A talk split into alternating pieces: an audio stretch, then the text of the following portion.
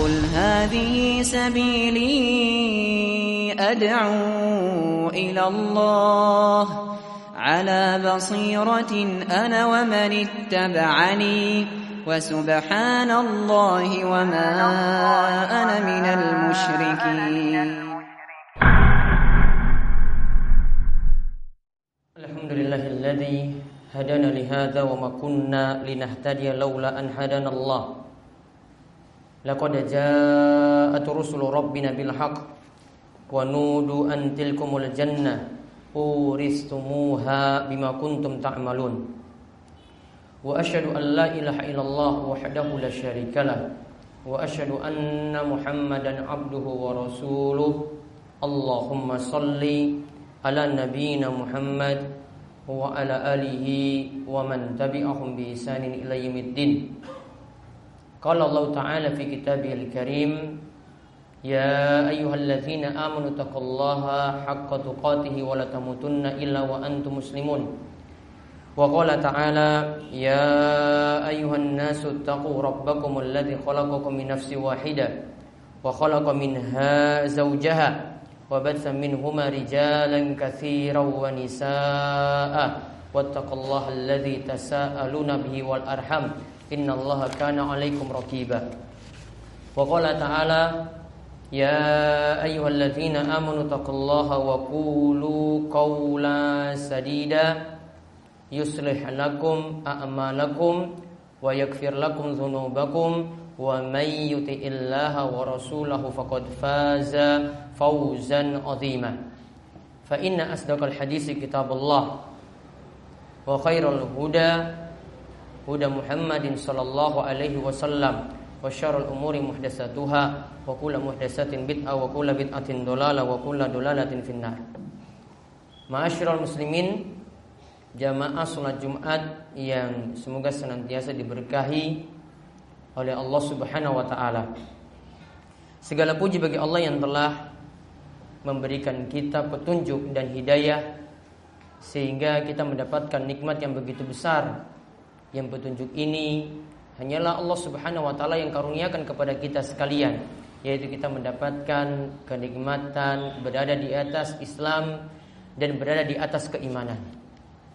Begitu juga Allah Subhanahu wa taala masih memberikan kita kasih sayang. Kita di waktu-waktu sibuk kita yang begitu luar biasa, kita di antara orang-orang yang terpilih diberikan petunjuk untuk bisa menunaikan ibadah wajib kita saat ini. Begitu pula Allah Subhanahu wa taala terus memberikan kita nikmat sehat sehingga kita memiliki kekuatan untuk melaksanakan ibadah Jumat pada kesempatan siang hari ini.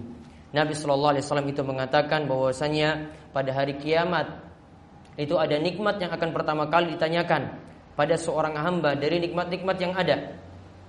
Nah, ketika itu ditanya, alam nusihhalaka jismaka wa nurwika minal ma'il barid yaitu akan ditanyakan pada hari kiamat, bukankah kalian telah diberikan sehat dan juga kalian telah diberikan nikmat dengan diberikan air yang dingin ketika itu. Hadis ini diriwayatkan oleh Imam Tirmidzi, hadisnya adalah hadis yang sahih.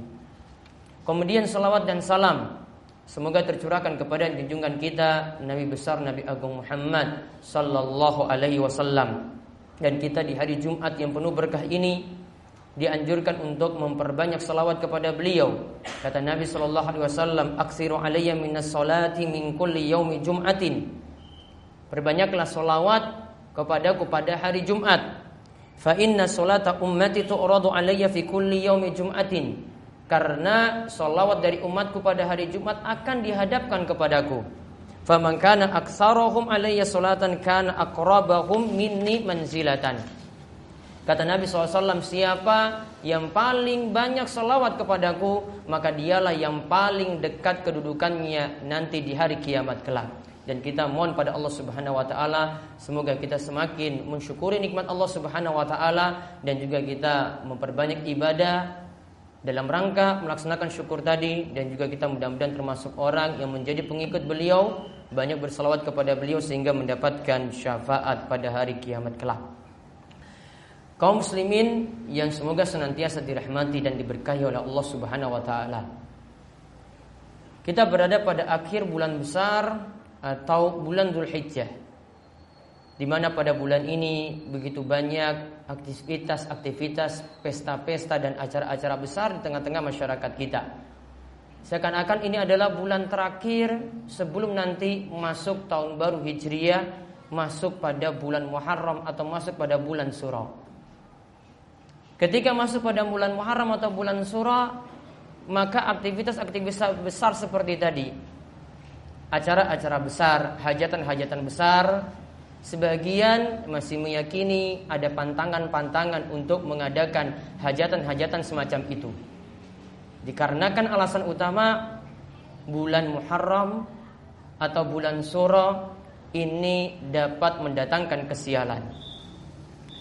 Perlu dipahami bahwasanya yang pertama waktu, bulan, hari dan tahun yang Allah Subhanahu wa taala tetapkan. Ini semuanya Allah yang mengaturnya. Maka ketika kita mendapatkan sial, mendapatkan musibah, yang pertama yang harus kita sikapi tidak boleh kita menyalahkan pada waktu. Tidak boleh kita mengatakan bahwasanya bulan ini bulan penuh musibah, bulan ini bulan sial, bulan ini bulan penuh petaka. Bukankah Nabi SAW telah menyatakan dalam hadis Qudsi Allah Subhanahu wa taala berfirman, "Yu'zini ibnu Adam yasubbud dahra wa anna dahru uqallibul laila wan nahar." Anak Adam itu telah menyakitiku kata Allah. Mereka menjelek-jelekkan waktu. Padahal akulah yang mengatur waktu. Allah lah yang mengatur waktu. Uqallibul laila wan nahar. Akulah yang membolak-balikan waktu Ada malam silih berganti juga dengan siang Malam siang terus silih berganti seperti itu Hadis ini diriwayatkan oleh Imam Muslim Maka hadis ini menunjukkan Waktu itu Allah yang mengatur Sehingga kalau orang itu mencela Menjelek-jelekan waktu Menjelek-jelekan suatu bulan Menjelek-jelekan suatu hari Sama saja dia mencela yang mengaturnya yaitu Allah Subhanahu wa taala. Itu yang pertama. Kemudian kalau kita perhatikan juga dalam surat Yasin. Anggapan sial seperti ini sudah disebutkan pula dalam surat ini. Silakan nanti diperhatikan dari ayat ke-13 saking surat Yasin sampai ayat ke-19. Di ayat ke-18 dan 19 disebutkan Allah Subhanahu wa taala berfirman Qalu inna tatayyarna bikum La illam tantahu la narjumannakum wa la yamassannakum minna azabun alim. Allah Subhanahu wa taala berfirman, ketika orang-orang musyrik ketika itu mendapatkan musibah, mereka katakan bahwasanya kami mendapatkan musibah, mendapatkan sial, ini cuma gara-gara kalian. Apa yang dimaksudkan dengan kalian di sini? Di awal ayat 13 disebutkan bahwasanya dua atau tiga utusan itu datang di tengah-tengah mereka untuk memberikan peringatan. Nah, ketika dua utusan ini dua atau tiga pendakwah ini memberikan peringatan ketika dapat musibah, ketika dapat sial, mereka nyalah-nyalahkan dua atau tiga orang tersebut. Mereka katakan tadi, ini sial, ini ini gara-gara kalian. Seandainya kalian tidak mendakwahi kami seperti ini, kami tidak akan mendapatkan sial. Kemudian Allah menyebutkan lagi membantah perkataan orang-orang musyrik tersebut.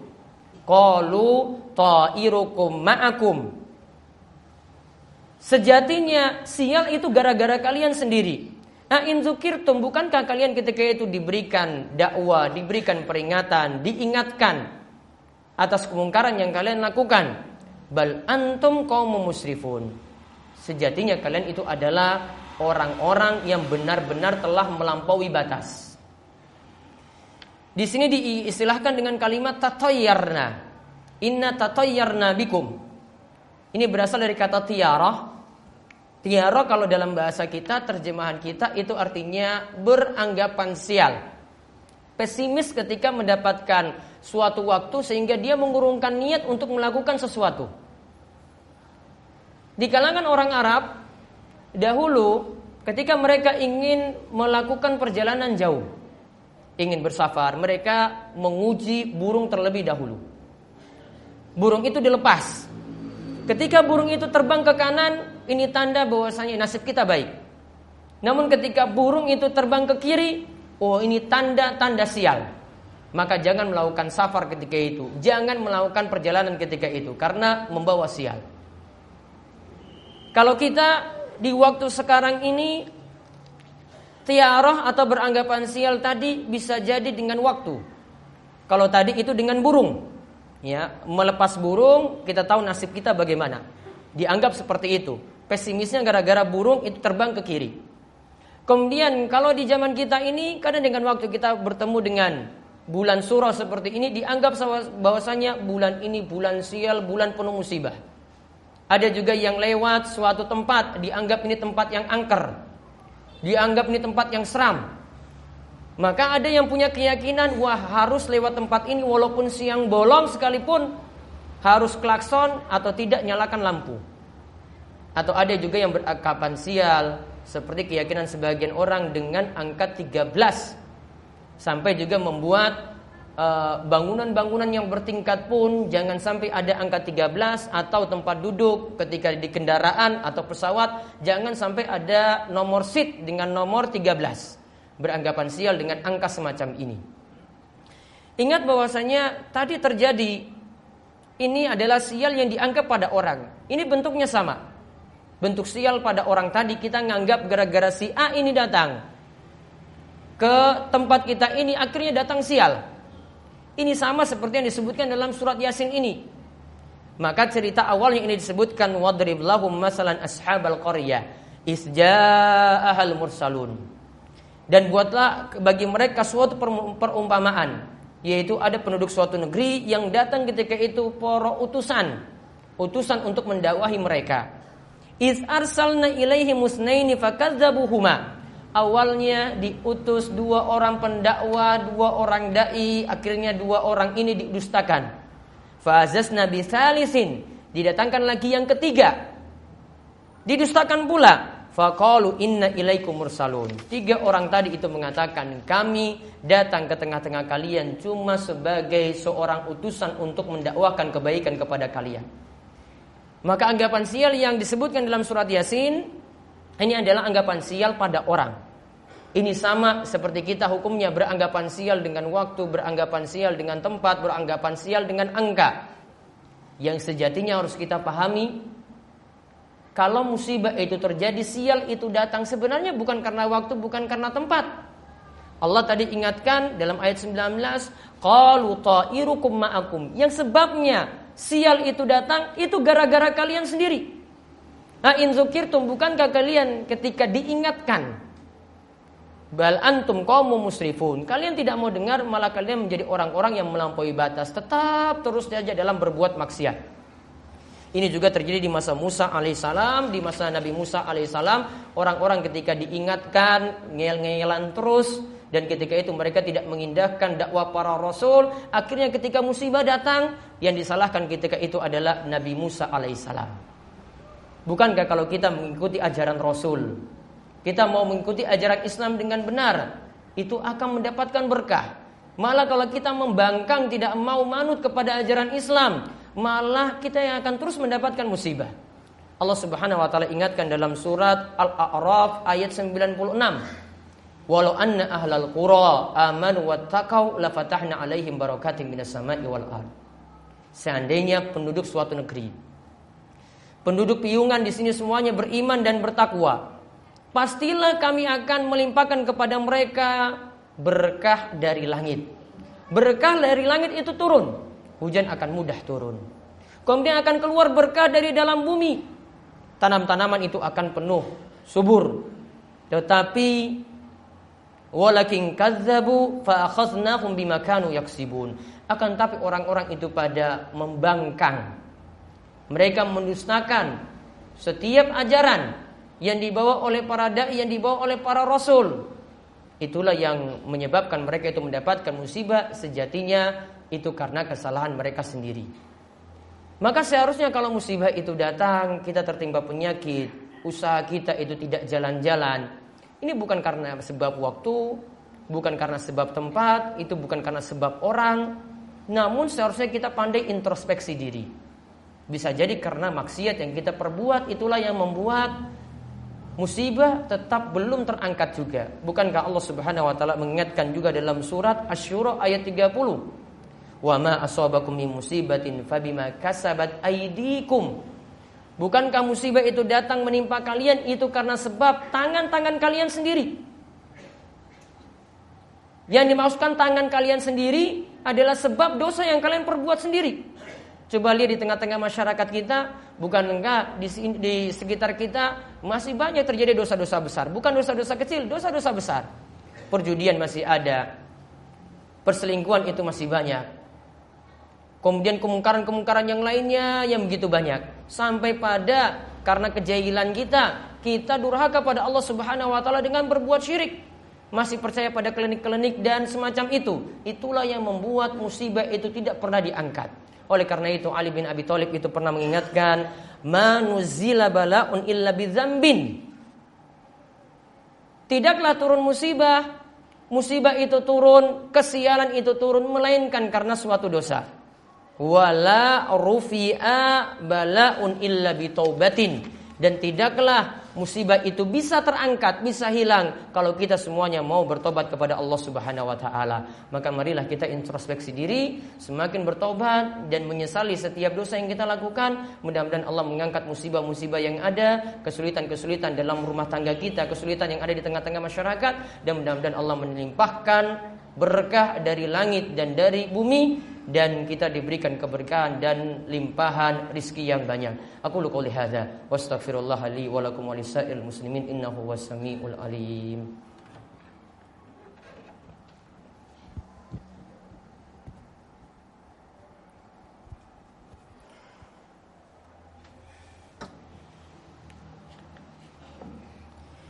Alhamdulillahi rabbil alamin.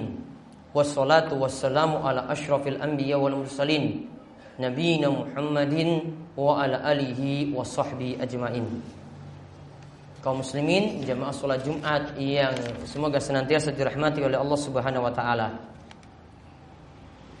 Kalau kita menilik kepada hadis-hadis bulan surah atau bulan Muharram yang nanti akan kita bertemu dua hari lagi, ini adalah bulan yang benar-benar mulia, disebut dengan bulan haram, bulan suci atau bulan yang dimuliakan.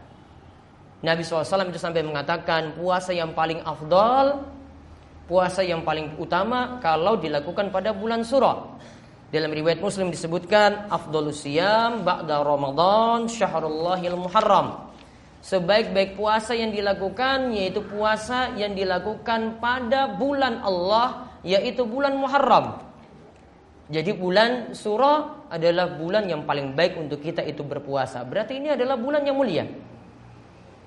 Adapun kalau kesialan kita khawatir ini nanti kita kalau lewat jalan ini akan mendapatkan sial. Kalau bertemu dengan bulan ini akan mendapatkan sial. Maka pernah atau sudah diajarkan oleh Nabi Shallallahu Alaihi Wasallam disebutkan ada sebuah doa yang Nabi itu katakan kalau kalian khawatir akan mendapatkan sial, bacalah doa berikut. Allahumma la ya'ti bil hasanati illa anta. Ya Allah, tidaklah datang suatu kebaikan kecuali dari Engkau ya Allah. Sayyiati illa anta dan tidaklah musibah itu hilang, tertolak itu kecuali dari Engkau ya Allah. Wala haula wala illa bik. Dan tidak ada daya dan upaya untuk kita bisa melaksanakan ketaatan dan menjauhi maksiat kecuali dengan pertolonganmu ya Allah. Jadi kebaikan itu datang dari Allah, kejelekan bisa hilang juga dari pertolongan Allah Subhanahu wa taala kita juga bisa beribadah menjauhi segala macam maksiat itu juga dengan pertolongan Allah Subhanahu wa taala. Marilah kita benar-benar memanfaatkan nantinya bulan Suro dengan e, mengisinya dengan kebaikan di antaranya ada puasa yang dianjurkan pada tanggal 10 Muharram yaitu puasa Ashura dan juga ada puasa tanggal 9-nya yang Nabi SAW ingin melakukannya. Jadi puasa sekaligus 9 dan 10 dari bulan Muharram tadi. Di akhir khutbah ini kami ingatkan untuk memperbanyak salawat kepada Nabi Sallallahu Alaihi Wasallam. Siapa yang bersalawat kepada beliau sekali, maka Allah akan membalas salawatnya dengan sepuluh kali ampunan. Inna Allah wa malaikatahu yusalluna ala nabi. يا أيها الذين آمنوا صلوا عليه وسلموا تسليما اللهم صل على محمد وعلى آل محمد كما صليت على إبراهيم وعلى آل إبراهيم إنك حميد مجيد اللهم بارك على محمد وعلى آل محمد كما باركت على إبراهيم wa ala ali Ibrahim innaka Hamidum Majid. Marilah kita menjadikan doa pada Allah. Mugi-mugi di hari penuh berkah ini Allah memperkenankan setiap doa-doa kita. Allahumma firil muslimina wal muslimat wal mu'minina wal mu'minat al ahya'i minhum wal amwat innaka sami'un qaribun mujibud da'wat. Allahumma qsim lana min khasyatika ma tahulu bihi bainana wa baina ma'siyatik wa min ta'atika ma tuballighuna bihi jannatak wa min al-yaqini ma tuhawwinu bihi alaina masa'ibad dunya Allahumma matti'na bi asma'ina wa absarina wa quwwatina ma ahyaitana waj'alhu warisa minna waj'al sa'rana ala man zalamana wansurna ala man adana wa la taj'al musibatana fi dinina wa la taj'al ad-dunya akbaru hammina wa la mablagha ilmina wa la tusallit alaina man la yarham Muna Rabbana hablana min azwajina wa zuriyatina qurrata ayun waj'alna lil muttaqina imama Allahumma inna nas'aluka ilman nafi'ah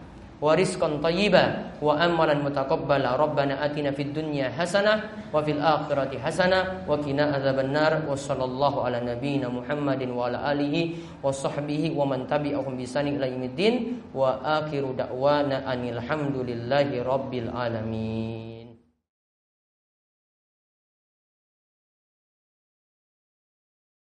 Saksikanlah video-video lainnya di channel Darussolin TV dan jangan lupa subscribe channel Darussolin TV.